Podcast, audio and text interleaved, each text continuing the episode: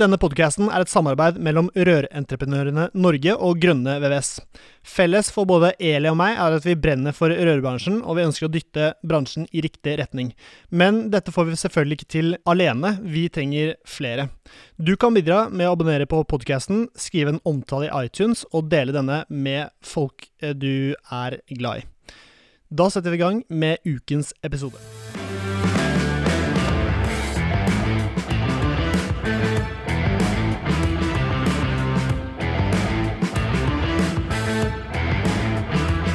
Hei og hjertelig velkommen til en ny episode av Bare Rør med Eli Hermine Heidal Eide fra Rørentreprenørene Norge og Severin Popp Midtøyde fra Grønne VVS. I dag skal vi snakke om noe som mange syns er litt uh, kjedelig, og noen som, noen som er veldig engasjerte om det. Det handler jo faktisk om liv og død i denne episoden av uh, Bare Rør. Uh, og i dag har vi fått med oss Lene Jønsson fra SFSBG. Og Lene, kan ikke du bare starte Var det feil? Ja. SFSBA, tror jeg det heter. FS... Dette er Ja, vanskelig, nei, Severin. Vi ordner det, altså. Ja, nei, tungen er jo Nå har jeg en sånn kjerringknute på tungen, så Ja. da går det ikke lenger. Men vi kan jo spørre Lene. Hva står FSSBA for? Vi veit jo, da, men fortell Det Det er ikke så lett, dette her. SFSBA, det står for Samarbeid for sikkerhet i bygg og anlegg. Ja. Ja, Og hva er det dere driver med, utenom å lage helt sinnssykt vanskelige navn på firmaet?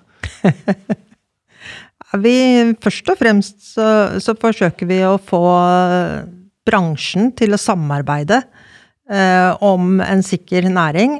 Um, og det gjør vi sammen med Altså, vi, vi vil ha med oss hele verdikjeden. Det er det som er så unikt og så viktig i dette samarbeidet her.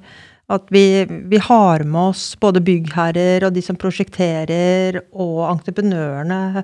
Og, og sånn som rørentreprenørene også, ikke sant? sånn at vi i fellesskap kan finne de gode og sikre måtene å gjøre ting på, og, og gjennom det etablere gode bransjestandarder for, for sikker byggenæring. Mm.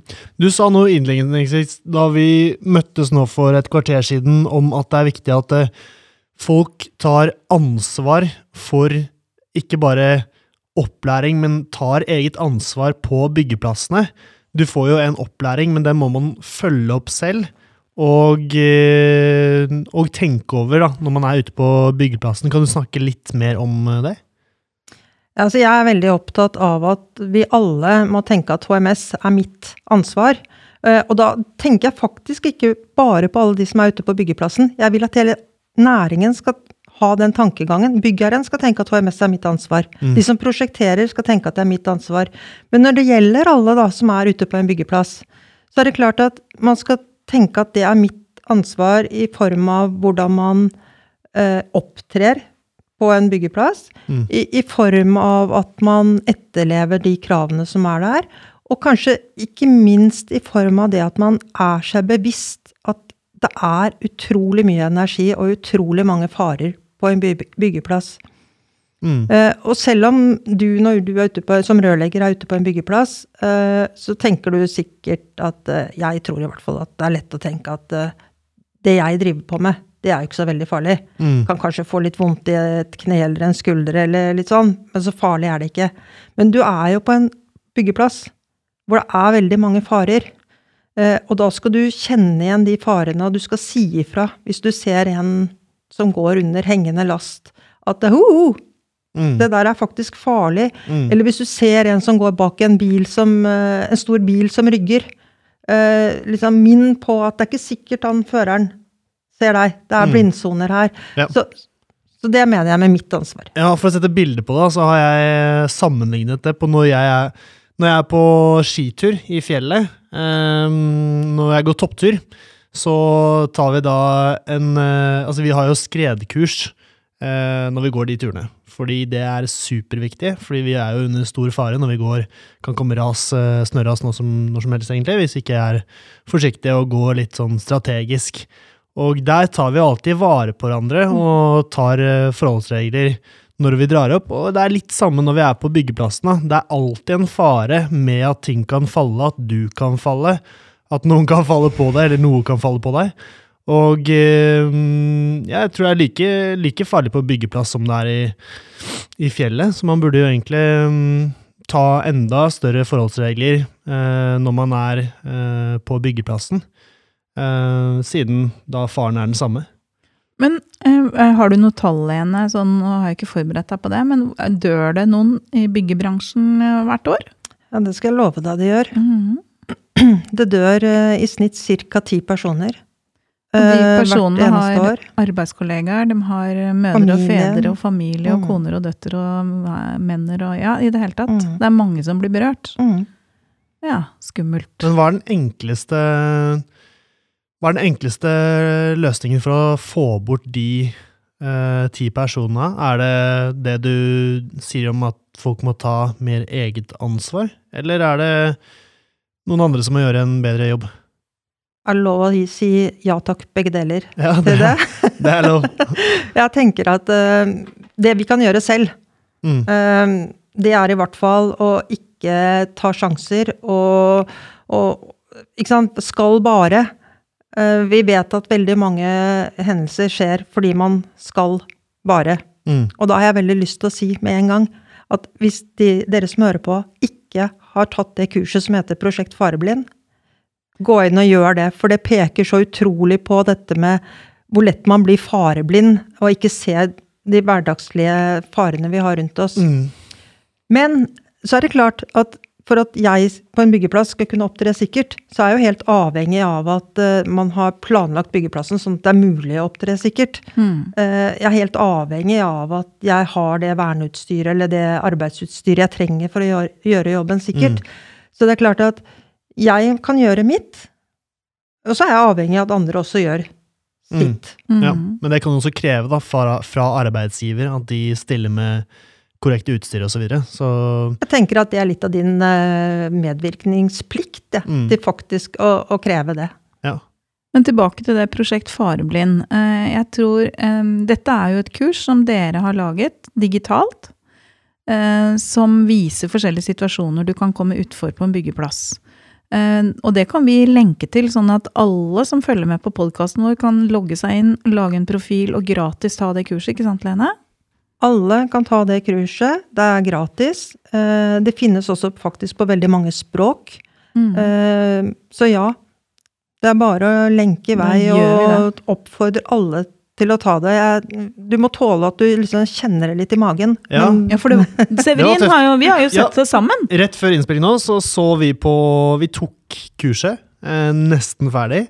Og det var eh, Det traff deg litt i Hva skal jeg si? Traff litt i magen. Det var eh, Altså, det er ikke ofte jeg ser at du liksom altså, Nei, For det det første vondt, så altså. syns jeg at okay. jeg så det på deg. Poenget er at vi får se eh, Hva het den dukken? David. David. David er da en dukke som står litt dårlig plassert noen ganger på en byggepla byggeplass, og du får se han dø på forskjellige måter. Og det Rett og var- slett. Du får se han dø. Du får se han dø, Um, og det var, eh, var ikke spesielt deilig, men det var effektivt, da. Mm. Jeg fikk et uh, um, Ja, hva skal man Litt å tenke på. Jeg fikk litt å tenke på. Mm. Og så er det jo også sånn i det kurset at uh, det er jo du som kursdeltaker som faktisk tar bort de sikringstakene som, som David i utgangspunktet har for å gjøre ham sikker. Mm. Men så er det jo du som kursdeltaker som tar bort eh, å si, den sikringen, om det er fallsikring, eller om det er stillas, eller om det er Altså hva det er for noe, da. Mm. Eh, For du skal jo forstå at det er noen ting som faktisk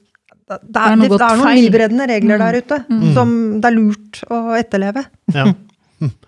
Ja, vi får ehm, Ja, igjen oppfordrer alle til å gå inn og ta den lille timinutteren eller kvarteret eller 20 minutter. Jeg tror du må regne en halvtime, faktisk. Ja, Men det, tar nok borti en halvtime, men det er vel, an- en vel anvendt eh, halvtime av livet ditt. Mm, Mm. Det har du tid til. Selv Severin hadde faktisk ro i sjela i stad til å se på den, så det var bra. Ja, stemmer. Mm.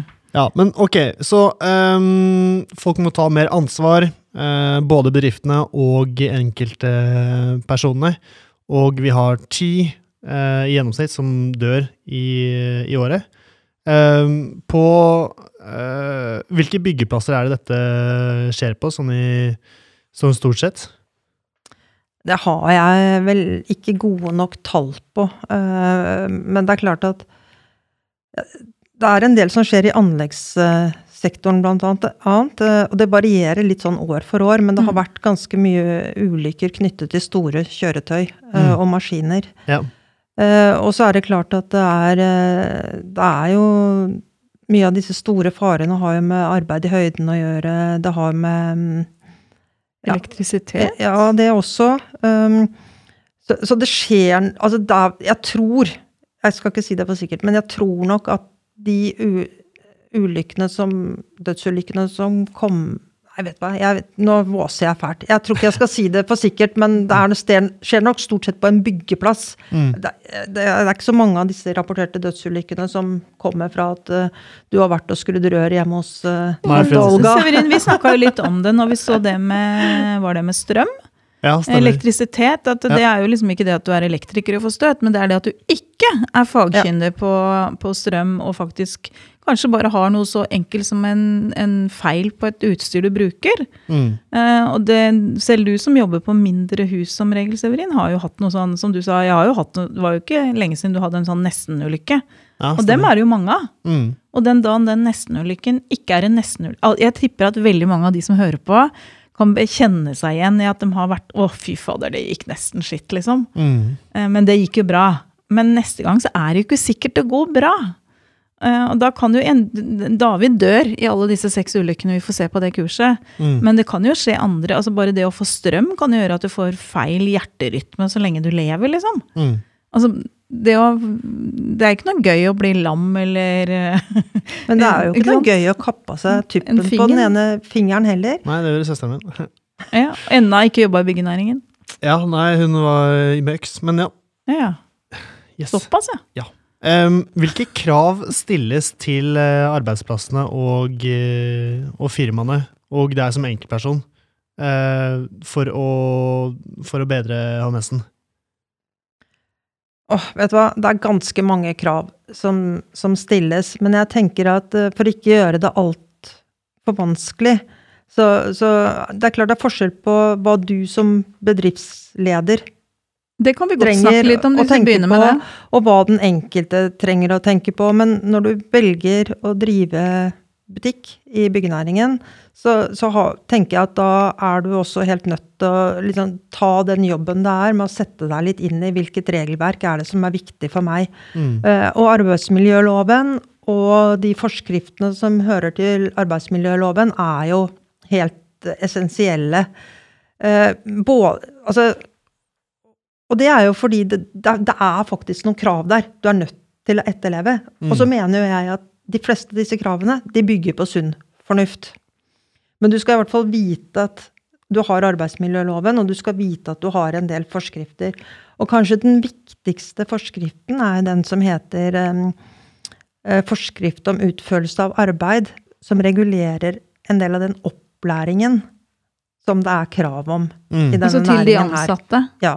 Og du som arbeidsgiver, din plikt er jo å sørge for at de som skal jobbe med f.eks. et farlig arbeidsutstyr, og det er veldig mye av det arbeidsutstyret vi bruker i byggenæringen som er farlig, Mm.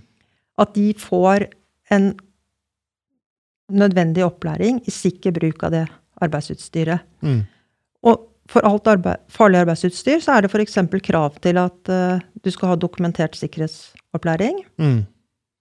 Eh, og da må jo du som bedriftsleder sette deg ned og ha en oversikt over hvilket utstyr er det vi bruker i vår bedrift. Jo, det er dette utstyret. Mm. Det må jeg sørge for at mine ansatte har en dokumentert opplæring i. Mm. Og du har faktisk ikke lov til å sette dem til å gjøre et arbeid med det utstyret uten at de har det. Og så skal jo selvfølgelig de også si ifra hvis de ikke har opplæringen. Dette har jeg ikke lært å bruke, så sorry, Mm. Mac. Ja, HMS-håndboken, det gjorde jeg da jeg startet uh, firmaet. Jeg måtte ha en HMS-håndbok, og jeg måtte da fylle ut eh, farer ved uh, alle verktøyene. Det var Lagde du den når du ble miljøfyrtårnsertifisert? Det gjorde jeg også, så, Mm, men da lagde jeg den for andre gang. Ja, oppdaterte den, liksom. Ja, men eh, Så da var det vinkelsliper, for eksempel. Så måtte vi fylle inn hva som var eh, faremomentet med en vinkelsliper. Er det en sikker jobbanalyse, da, eller? Som du gjorde da, eller er det noe annet? Uh, Nei, det er vel egentlig bare på den konkrete jobben, det. Nå Ja. snakka vi bare om sjølve verktøyet. Ja, stemmer. Um, så det at det kan gniste fra vinkelsliperen, og selvfølgelig at du kan kutte av deg fingeren med vinkelsliperen, og så gjorde vi det på alle, alle verktøyene. Ja. Mm.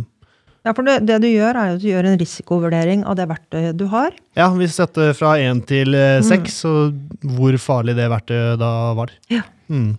Så hvis noen hører på nå og ikke har gjort denne jobben, så er det jo egentlig bare å gakk hen og begynne å sjekke hva er det jeg egentlig ikke har gjort som bedriftsleder i forhold til at jeg og de ansatte skal ha Først må vi lage en sikkerhetsvurdering av alt verktøy vi bruker, om hvor farlig det er og hva som er farlig. Og så må du begynne å drive med opplæring, for det er neste trinn da, ikke sant? Mm. Men du som har lærling, Severin, Mm. eh, må du gi den opplæringa, eller får du hjelp fra opplæringskontoret til noe av det? Nei, de har jo ikke vært Nå har jeg hatt Arsen i et halvt år, og de har jo ikke vært øh, holdt opp å si engasjert på noe annet enn at Arsen følger timene sine. Nå det første halve Nei, så du har ikke innom noe ennå? Nei, for det Nei. varierer litt når sånne ting dukker opp i læretida, da. mm. Eh, For jeg vet på noen opplæringskontor så er det sånn at lærlingene blir kalt inn til forskjellige typer kurs tidlig i læretida.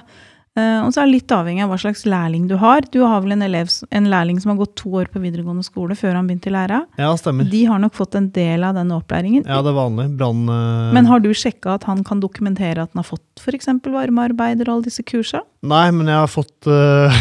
Jeg har fått uh, snapper av at han har gjort alle tingene. Ja, er Eh, Snap god nok dokumentasjon, Nei, du? nei, men jeg tipper han kan uh, dokumentere det. Altså, Ja, men bare, det er jo ditt ansvar, da. Du Ja. må faktisk skrive ned et sted.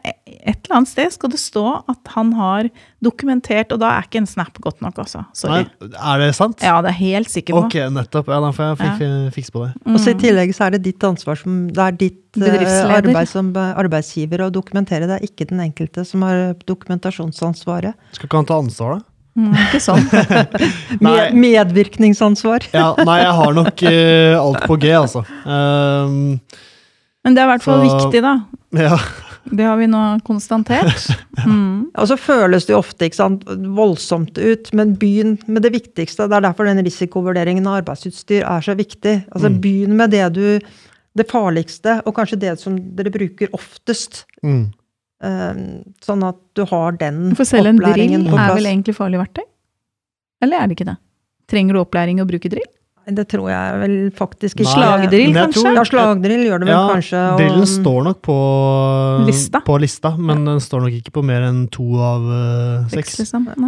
Men du den, hvis du bruker den sammen med en uh, hullkopp, eksempel. Da begynner det å bli farligere, Da vet er det farlig. Mm. Da Ja, det er mye å tenke gjennom. Mm. Og så kan du jo, nå har kanskje ikke du så stor bedrift, men for, for de som har en bedrift med litt flere ansatte, man trenger ikke å gå ut og kjøpe den opplæringen Mm. ute i kursmarkedet. Altså, dette er jo en opplæring man kan gi selv.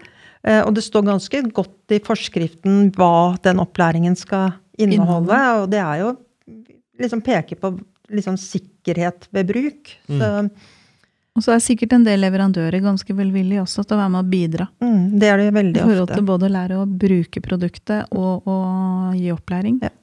Og i- på Samarbeid for sikkerhet i bygg og anlegg, altså sfsba.no, der har vi også laget en veileder som viser litt om eh, hvilke krav som ligger i det som heter utstyrsspesifikk opplæring, og, og peker litt på hva som er likheter og forskjeller på den utstyrsspesifikke og den dokumenterte sikkerhetsopplæringen.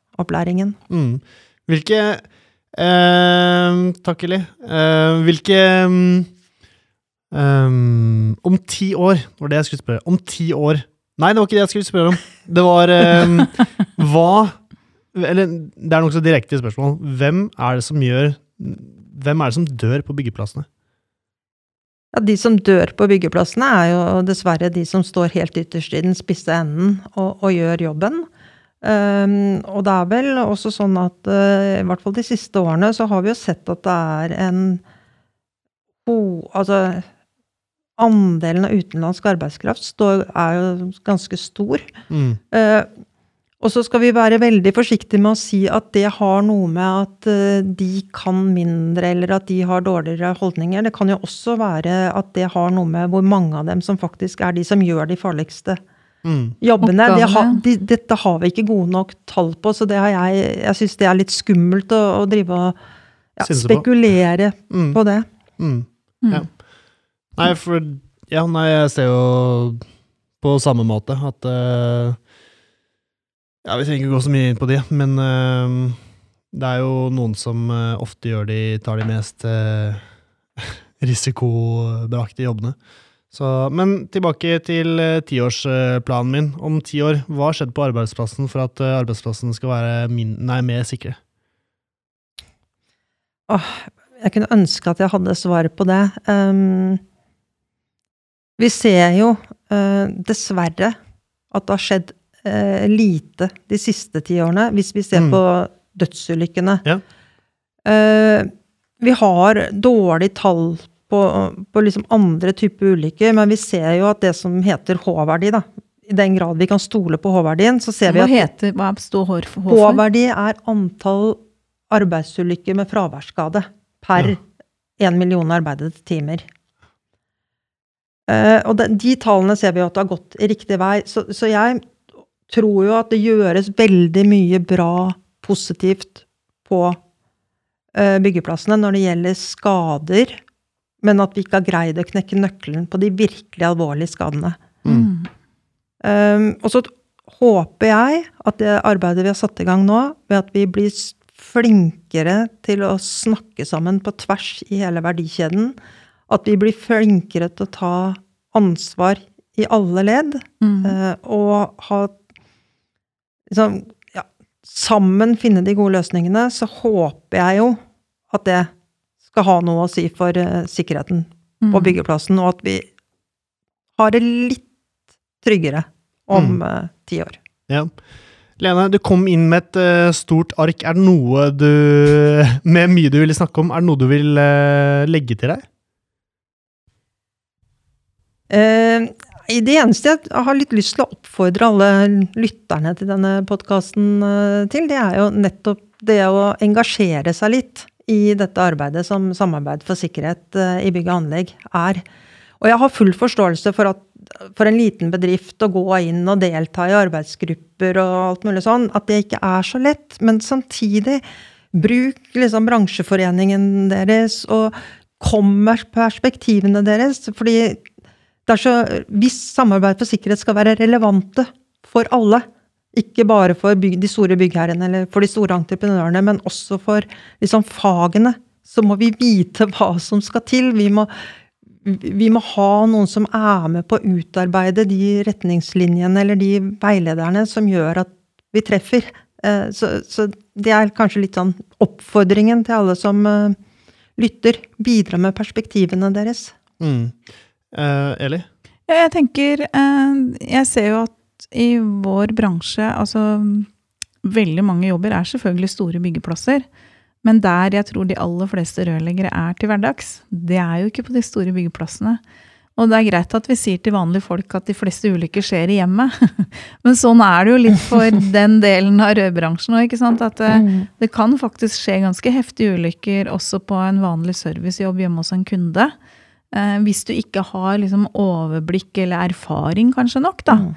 Um, så jeg er jo egentlig også veldig opptatt av at man kanskje mm, At vi som bransjeforening kunne vært litt flinke til å samarbeide med dere i forhold til å dra dette litt ned på eh, litt mindre, mindre ting, da. Mm. Sånn som eh, Jeg vet ikke, Severin, hva tenker du er det farligste som skjer i, i hverdagen din? Hvis du tenker litt sånn eh, over de tinga du opplever i hverdagen din?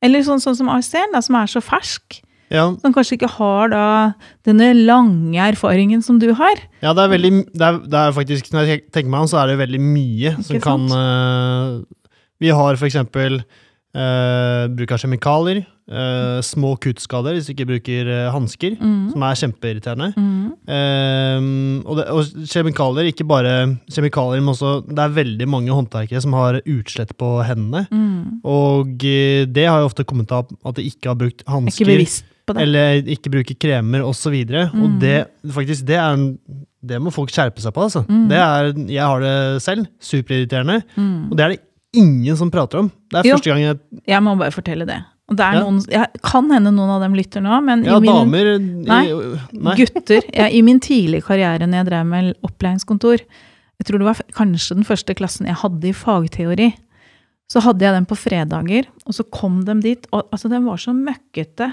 på hendene. Mm. Og det stussa jeg litt på. Hvorfor er det liksom Den var så Og jeg har jo vokst opp med en pappa som er rørlegger, og jeg er vant til den. I gamle dager så lukta det jo linhold, linolje av rørleggerhender. Det var jo helt nydelig. Jeg er vant til å sovne med linoljelukt på kinnet, så det er greit. Nei, men Pappaen min var jo sa natta til meg før han skulle ut på kontoret igjen. han? Nei, han, han strøyk meg på kinnet, og så kjente jeg den deilige linoljelukta. Men greia har vært at eh, jeg traff de gutta, det var fredag, de skulle på byen på kvelden selvfølgelig, alle de der lærlingene. Og så hadde de sånn møkkete fingre. Så det endte jo med at jeg en fredag troppa opp og lærte dem å vaske seg på hendene. Og da fikk de hver sin neglebørste. De fikk såpe, og de fikk håndkrem. Så det tror jeg kanskje det er. Jeg tror det var en ti-tolv stykker i den klassen kanskje som husker det. da. Men, og dette handler bare om at noen Det var jo ingen som hadde Ja, alle veit at du skal vaske deg på hendene, men det var ingen som hadde bevisstgjort. Så det var nok litt vel mye omsorg i den eh, iveren der. Men det der å bare bli bevisst på konsekvensene av å drive og putte fingra ned i alle mulige slags kjemikalier, Ja. hva som skjer Altså, du tar jo til deg masse giftstoffer også. Så du mener at dette, Dette er jobben er basic. Ja, det, det er det, men du mener den jobben du gjorde for 20 år siden, er liksom Du dekket alle behovene for deg? Nei, jeg gjorde ikke det, men vi tok det på Det var på en måte en det var bare for at de skulle få en liten idé om at, Og det var bare for noen få. Det var bare at de skulle få en liten idé om at dette er viktig. Og, argumentet jeg brukte da, for at det var viktig at de vasket seg på fingra den gangen, var kanskje litt korttenkt. Det var jo at hun skulle på byen om kvelden og sjekke damer, og ingen damer orker en sånn derre ruglete, ekkel, møkkete hånd med masse svart under negla. Jeg er rimelig sikker på at eh, Eli hadde, når hun kjente linoljelukten, hadde kommet løpende. Men, eh, Ja, det hadde jeg nok. ja. Men nå var ikke jeg helt i målgruppa deres. Jeg satt akkurat og lurte på liksom, hva, hva skulle vært motivasjonsfaktoren for å liksom, komme med det budskapet. Men den hadde du Den allerede hadde funnet. klar. Den hadde jeg klar. Det var sjekking av damer. Stemmer. Men tilbake til det vi var inne på. Vask, eller mm, kjemikalier, eh, småkutt, bruke hansker. Mm. Eh, så har vi hulltaking Det er så mye. Kjøring av Bare det med elektrisk verktøy som Og det, bare det å feste. Altså når jeg var rørleggerlærling, jeg kan godt fortelle, og jeg kan deg på, jeg, men jeg husker Det så gjør du alltid, så ja. Jeg skulle hente noen greier på verkstedet hos faren min. Jeg var på en jobb nede i Hokksund sentrum. Og så skulle jeg forte meg litt, hadde litt dårlig tid. Kjørte av gårde, og så hørte jeg det skramla bak meg. Der lå det et MA-rør på taket på den bilen, som noen selvfølgelig hadde tatt av eh, festa, altså Det var jo festa bindet fast, men noen hadde jo tatt av det, for vi skulle jo bruke de rørene. De hadde ikke løfta ned på bakken. Det var ganske farlig for den bilen bak meg å få et MA-rør midt i fleisen, men det gikk jo bra, da. Ja. Men jeg lærte jo litt av det, at jeg må sjekke bare det å feste ting på taket på bilen. ja. En annen klassisk rørleggergreie som jeg syns er ganske skummel, som nesten kunne godt vært en egen sånn fareblind eh, episode, var det med arbeid i grøfter. Mm. For det er ganske mange som har Jeg kjenner faktisk noen som har fått ommøblert hele ansiktet sitt pga. det. De havna nedi ei grøft, det sto en spade litt nær, og den spaden traff ansiktet til han det gjaldt. Eh, og han måtte jo virkelig få hjelp for at, at han i det hele tatt skulle overleve. Men det fins mange som har opplevd mange skumle ting rundt det. da. Mm. Så jeg tenker at um, den bevisstgjøringsprosessen syns jeg det var litt viktig å løfte fram. da, Severin. Jeg skjønner jo da at du via arbeid du har gjort i din bedrift, både sikkert via mesterutdanning og, og, og den miljøfyrtårnsertifiseringa, eh, har innebært at du har gjort en del av disse refleksjonene. Men jeg har en mistanke om at noen kanskje kunne bli bedre på det. At det ikke skader. ja. Og så er det jo ikke bare det farlige, da. Ikke sant? Tenk på øh, kroppen skal fungere også Rygg og nakke og knær og sånn. Ja, Mm. så liksom det å liksom ikke vente til du har vondt i knærne med å bruke kneputer. Mm. Er, Ja, Når jeg er jeg, når jeg var ung, så var det ingen som altså seriøst, ingen brukte kneputer. Og hansker not. Så det har jo skjedd en bedring. Men fortsatt er det mye å gå på der, tror jeg. altså. Så absolutt. Ok. Oppsummering av episoden. Ta mer ansvar for egen eh, HMS og firmaets HMS. Eli blir helt gæren når hun lukter på linolje. Ja, det Nydelig. Og jeg må gjøre mer enn å følge med på snappene til Arsen for å vite Mm. hvilken dokumentasjon han har på, på HMS-en sin. Og gå inn og ta kurset til Prosjekt Fareblind. Det er både veldig opplysende. Jeg synes det var Det gikk litt sånn inn i marg og sjel på meg. Uh, og jeg tror at det kan være med å forhindre at i hvert fall noen rørleggere kommer ut for ulykker, og at du kan kanskje være med å forhindre noen òg. Marg og sjel. Nei, sa jeg det? Ja. Sjel og marg?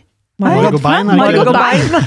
Herregud, nå er jeg liksom Paradise-oppførsel. La meg merke Ja, det. veldig. Jeg må jo er- være veldig ung og lovende som sier sånne rare ting. Ja, nei, men Supert. Det betyr at vi da er nådd veiens, uh... Veiens ende, faktisk. veiens ende. Mm.